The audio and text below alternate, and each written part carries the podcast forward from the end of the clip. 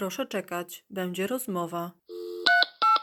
Proszę czekać, będzie rozmowa. Dzień dobry, witam wszystkich serdecznie w pierwszym podcaście cyklu Rozmowy Kontrolowane, czyli cyklu, który będzie poświęcony rozmowom z autorami dobrych książek. Dziś moim gościem jest Cześć kochani, tutaj Anna Dan. E, Jeśli jesteście na Bookstagramie, to na pewno znacie mój głos z mojego profilu, z moich stories. E, Natomiast dzisiaj jestem gościem u Magdy, która poprosiła mnie o wypowiedź na różne tematy. Tematy bardzo mnie dręczące, e, za co jestem jej ogromnie wdzięczna, więc zapraszam Was do wysłuchania. na początek pytanie, które chciałam Ci zadać od chwili przeczytania obydwu książek. Dlaczego zdecydowałaś się na taką kolejność publikacji? Dlaczego zerwałaś z chronologią wydarzeń i w pierwszej kolejności pojawił się solo? Wiem, że książka taka jak Lina ma swoją fachową nazwę, ale zupełnie wyleciała mi z głowy. E, To jest w istocie pytanie o prequel, tak? Dlaczego prequel? Dlaczego e, Lina, która jest tomem drugim, dzieje się 4 lata wcześniej niż Solo, który jest tomem pierwszym?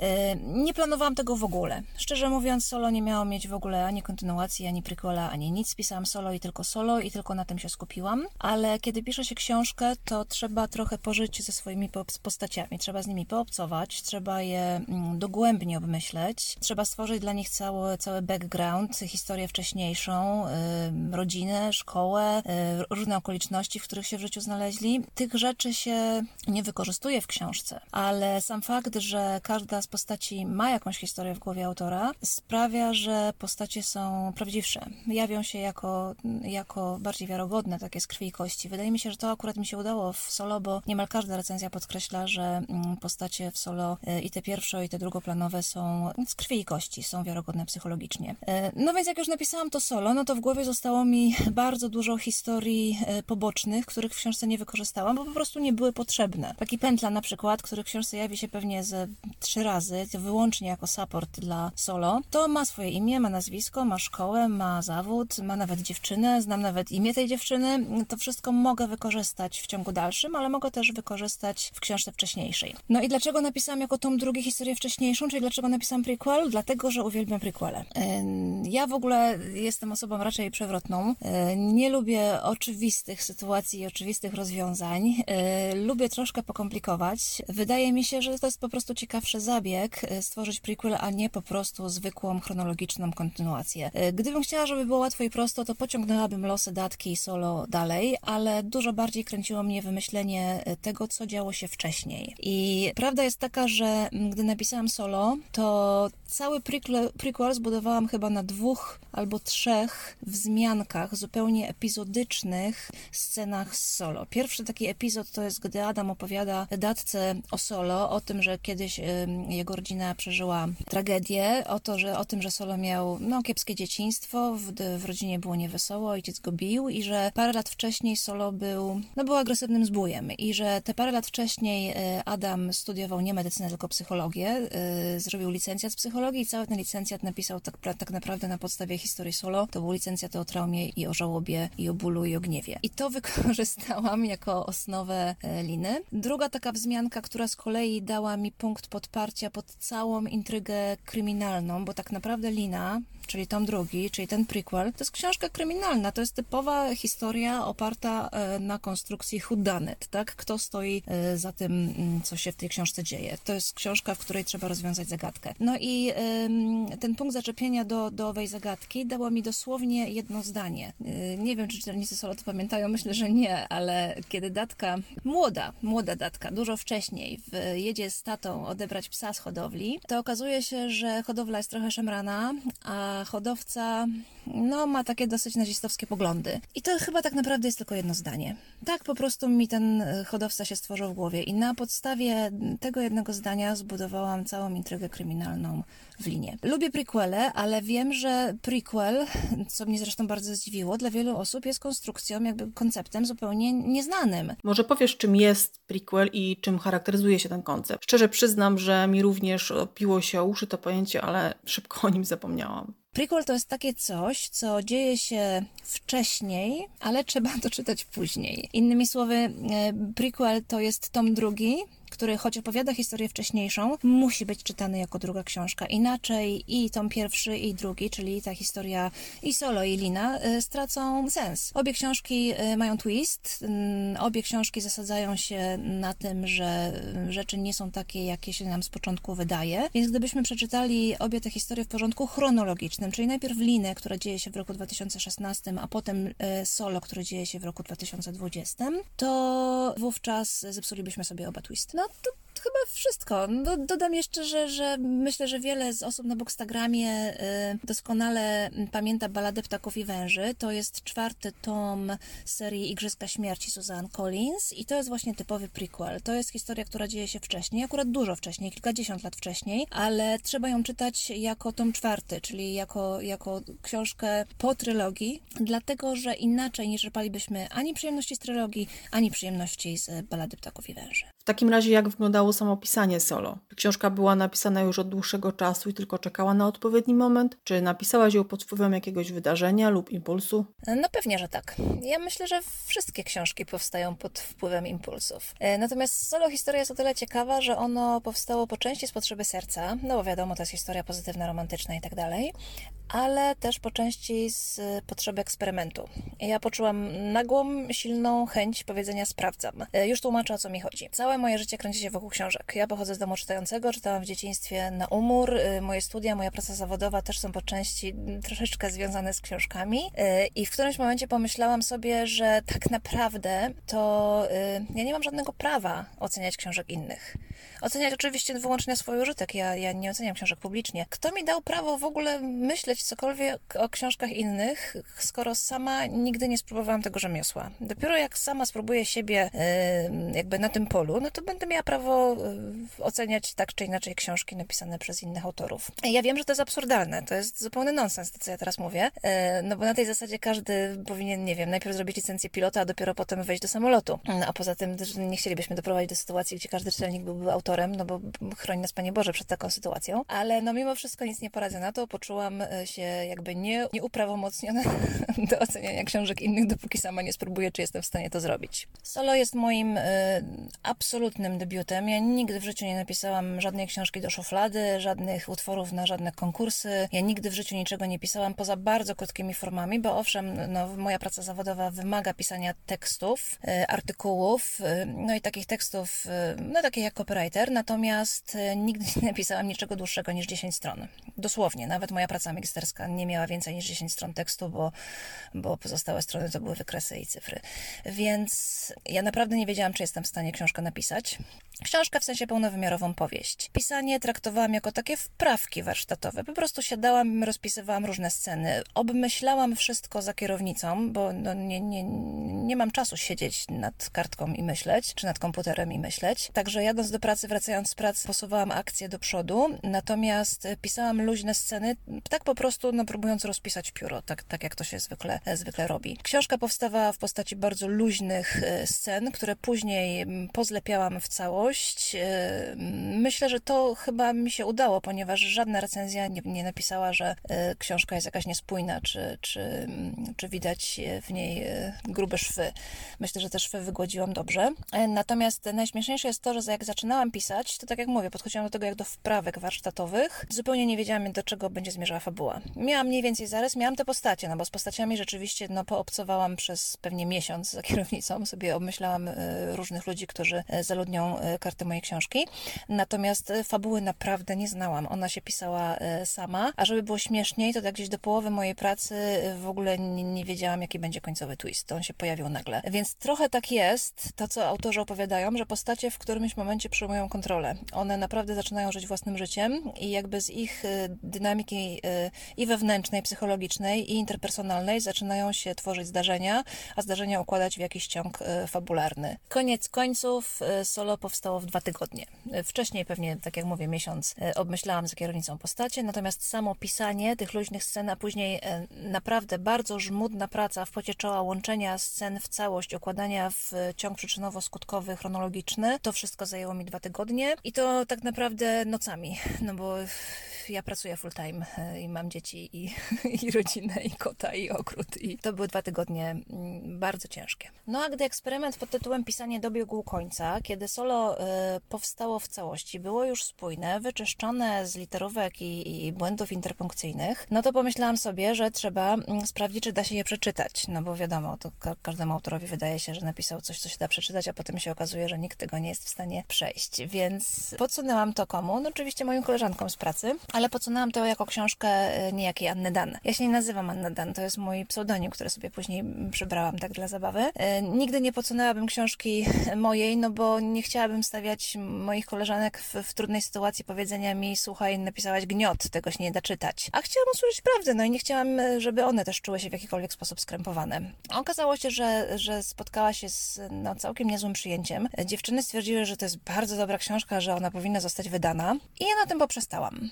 Odłożyłam solo do y, szuflady. Wówczas narodził mi się pomysł na linę, ponieważ tak jak już mówię, bardzo lubię prequele, to pomyślałam sobie, że wykręcę z tego prequel, historię wcześniejszą, bo, no bo korci mnie ogromnie. Ja lubię wyzwania. Linę napisałam y, pewnie miesiąc po solo. Y, linę pisałam już troszkę dłużej, bo ten skurczybyk jest trudny. To jest naprawdę fabuła, y, tak jak już wspominałam, y, kryminalna i tutaj trzeba dbać o każdy szczegół, każde słowo, każdą wzmiankę, więc linę pisałam pewnie no za dwa miesiące, może trzy. Okazało się, że linę też się dało przeczytać, że moje koleżanki również przeczytały linę i co więcej lina podobała im się bardziej niż solo. I wtedy też chyba obie książki odłożyłam na miesiąc czy dwa, ale pomyślałam sobie, że skoro eksperyment pisania się udał, no to może czas przystąpić do fazy drugiej, eksperyment y, szukanie wydawcy. I zaczęłam książkę rozsyłać do wydawców. Mm, To trwało troszeczkę, Mm, znowu nie tak długo, bo, no, bo wielu autorów spisze do szuflady po bardzo, bardzo wielu miesiącach y, nieudanego dobijania się do, do wydawców. Ja znalazłam wydawcę po dwóch miesiącach. Y, Wymagało to ode mnie pewnie trzech maili, znaczy trzech ponowień maili, bo ja napisałam gdzieś pewnie do ośmiu wydawców, wytypowałam tylko tych największych, tylko tych, których naprawdę znam z pierwszych stron Empiku. Nie, ja nie znam małych imprintów, więc napisałam do największych, najbardziej masowych y, wydawców. Tego maila ponowiłam raz, potem drugi raz, potem trzeci raz. Za każdym razem pisałam go inaczej, za każdym razem próbowałam coś e, śmiesznego i intrygującego w tym mailu zawrzeć. I w końcu, dosłownie po dwóch miesiącach, to było tuż przed gwiazdką 2019 roku, e, napisała do mnie pani Ewa Cholewińska, prezeska wydawnictwa Jaguar. Pani Anno, książka jest świetna, załączam umowę. I tyle. Z tym, że książka wyszła dużo później, bo wówczas do akcji wkroczyła pandemia i Jaguar zawiesił część swoich planów wydawniczych. Książka miała się ukazać najpierw w pierwszym półroczu 2020, w końcu ukazała się w styczniu e, 2021. Przypomniałam sobie, że kiedyś podczas jednej z dyskusji na Instagramie napisałaś mi, że gdyby solo istniał naprawdę, to miałby głos Corteza. Czyli miałby wygląd. Gdybyś miała wskazać aktora, który idealnie pasowałby do tej roli, kogo byś wybrała? Adatka? Lina? Jakie aktorki najwierniej oddałyby zarówno wygląd, jak i charakter twoich bohaterek? E, To prawda, ja to podtrzymuję. No, nie bez powodu jedna z kulminacyjnych scen książki jest e, mm, rozpisana do, do muzyki Starych Drzew, e, jednej chyba z piękniejszych piosenek Corteza. Natomiast jeśli pytać, który aktor mógłby się wcielić w rolę solo w filmie, no to trudno mi wskazać kogoś idealnego. Solo jest e, szatynem o zielonych oczach, jest dobrze zbudowany i wysoki, no ale przede wszystkim jest twardzielem, więc wśród twardzieli trzeba by aktora szukać, pewnie najlepiej u Patryka Wegi, e, może Piotr Stramowski. Mm, Jeśli chodzi o dziewczyny, to no to jest jeszcze trudniej, e, bo Datka, jeśli chodzi o jej, o jej temperament, charakterek i ten zadzior, to e, fajnie pasowałaby Michalina Olszańska, mm, z tym, że Michalina jest brunetką, Datka była blondynką, ale to są naprawdę cechy drugorzędne. Ważne jest to, że, że Michalina jest no, taką bardzo twardą dziewczyną, poza tym niesamowicie uzdolnioną, bo to przecież jest i aktorka, i wokalistka, i skrzypaczka, i nie wiem, czy wiecie, e, napisała też książki, powieści. E, Chyba je Albatros kiedyś wydawał. Lina natomiast w książce jest brunetką i to taką prawdziwą, o, czarno-atramentowych włosach, jak, jak mistrzyni wschodnich sztuk walki. No i tutaj zabijcie mnie, nie mam pojęcia, kto mógłby ją grać. To musiałaby być aktorka o miłym usposobieniu, o bardzo wysokim poziomie wrażliwości, delikatności i empatii. Musicie mi pomóc, nie wiem. Hmm, tak się zastanawiam i do Liny pasowałaby mi aktorka z trochę takim azjatyckim typem urody. Jakoś od początku widziałam w niej te rysy. Nie wiem dlaczego, może to przez te sztuki walki. Jednak absolutnie nie mam pojęcia, która konkretnie osoba byłaby jej idealnym odbiciem. Totalnie nie wiem. Czy byłaś zadowolona z przyjęcia przez czytelników solo? No pewnie, że tak. Solo dostało dość wysokie noty i, i, bardzo dużo bardzo dobrych recenzji, więc trudno, żebym była niezadowolona. E, natomiast niezmiennie najbardziej cieszą mnie takie krótkie wiadomości od ludzi, którzy po prostu kupili książkę w księgarni, przeczytali i po zakończonej e, lekturze na gorąco znaleźli tę chwilkę, żeby chwycić za telefon i napisać mi wiadomość. Ja w książce w posłowie zostawiłam namiarę na siebie i ludzie z tego korzystają. I to jest e, strasznie fajne dostać od zupełnie obcej osoby krótką wiadomość o tym, jaką, jakie wrażenie moja książka na nich wywarła. No i myślę, że to jest tak naprawdę największa y, miara mojej książki. Te krótkie, zdawkowe, niewymuszone maile. A recenzje? Czy coś Cię tu zaskoczyło? Jeśli zaś chodzi o recenzje, to mm, ja naprawdę bardzo starałam się czytać wszystkie, zwłaszcza na samym początku, no bo przecież y, o to w tym wszystkim, w tym całym eksperymencie chodziło, o to, żeby wejść w buty autora i zobaczyć, y, poczuć na własnej skórze, jak to jest, kiedy wysyłasz swoje wypieszczone dziecko w świat i poddajesz je pod publiczny osąd. A ten osąd jest różny i to wynika z bardzo wielu rzeczy. ogólnie osąd nad solo był bardzo łagodny, i pozytywny, bo recenzji bardzo dobrych było mm, dużo więcej niż e, słabych. Natomiast dostałam też parę recenzji takich haczących o, o hejt, takich też trochę nierzetelnych. Nawet nie wiem do końca, czy te osoby książkę przeczytały. Mm, I Powiem Wam, że to było fajne. Znaczy, nie jest fajne pisać hejt i nierzetelne recenzje, natomiast fajne jest zmierzyć się z czymś takim, bo to e, buduje charakter i bardzo e, człowieka wzmacnia. E, natomiast jeśli chodzi o to, czy coś mnie w tych recenzjach zaskoczyło, to nie, nie. Zupełnie mnie zaskoczyło to, że dostanę recenzje różne i dobre i złe i hejtujące, bo to człowiek żyjący tyle lat na tym świecie, co ja, to wie. I nie zaskoczyło mnie również treść tych recenzji, bo doskonale wiem, że jedną i tę samą rzecz wielu ludzi interpretuje inaczej i to, co podoba się jednym, jednym nie spodoba się drugim. I tak jak jedni chwalili w recenzjach tę mm, powolnie rozwijającą się, nieoczywistą relację datki i solo, tak inni e, właśnie tej relacji się czepiali, bo chcieli więcej całowania i wzdychania i patrzenia w oczy, no a tego w solo nie dostali. E, także na pytanie, czy coś mnie w recenzjach zaskoczyło, to, to nie, raczej nie. Natomiast e, to, co, czego się nie spodziewałam, po prostu nie, nie, nie, nie, nie myślałam tak daleko, to to, że wiele osób, którym solo ewidentnie trafiło do serca, tak, takich, które pisały mm, szczere y, recenzje y, pochwalne, zostało już chyba moimi, myślę, przyjaciółkami, mogę tak to nazwać, bo mimo, że się nigdy nie widziałyśmy, bo, bo wydanie solo trafiło na czasy pandemiczne, to utrzymujemy bliższe kontakty przez Instagram i to są więzi, które pozostaną. I to jest w tym wszystkim najfajniejsze. W takim razie może udzieliłabyś kilku wskazówek pisarzom, którzy są na samym początku swojej autorskiej kariery? Stanowczo wolałabym nie. A to z tego powodu, że mam w sobie za dużo pokory, bo kimże ja na Boga jestem, żeby udzielać innym wskazówek. W internecie jest zatrzęsienie mm, poradników o tym, jak pisać kreatywnie, jak wydawać, jak szukać wydawcy, czy wydawać własnym sumptem. Ja z żadnych takich poradników nie korzystałam. Napisałam na spontanie i na żywioł, ale na pewno warto z takich rad korzystać, bo to pewnie pomaga na wejście.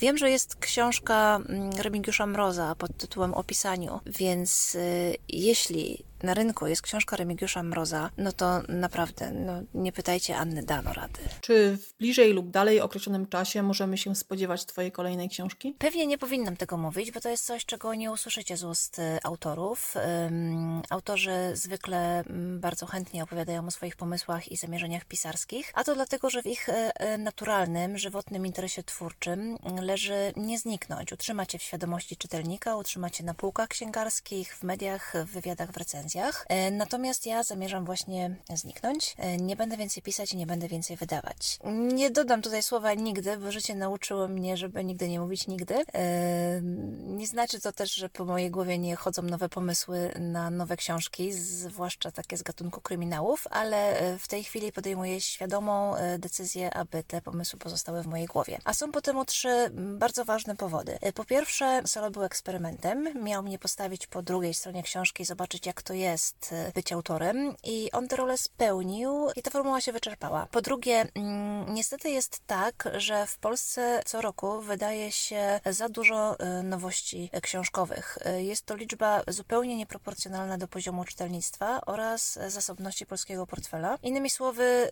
jest za dużo premier, których nie jesteśmy w stanie mm, skonsumować. No więc chyba najnaturalniejszym i najoczywistszym posunięciem z mojej strony będzie nie dokładać własnych cegiełek i się wycofać. E, i Ja wiem, że to jest dokładnie mm, w poprzek panującej narracji, no bo w każdej branży panuje narracja sukcesu. Trzeba, trzeba iść do przodu, pracować na swój sukces, realizować swoją karierę i ja taką postawę oczywiście bardzo cenię u innych, ale sama mm, nie zamierzam iść tą drogą. A po trzecie, i to jest chyba najważniejszy powód, dla którego już nie chcę więcej pisać, e, to to, że ja jestem człowiekiem książki, w sensie książek, wszystkich książek, dobrych książek, e, a nie tylko swoich. I to jest naprawdę bardzo ważne, bo mam tak wysoko sięgający stos hańby, mam tyle klasyki literatury światowej, nie tylko beletrystycznej, ale i znakomitej literatury faktu, którą warto znać, e, do nadrobienia, że no chyba lepiej spożytkuję czas e, czytając, aniżeli pisząc i promując moich e, ukochanych, znakomitych autorów, aniżeli autopromując samą siebie.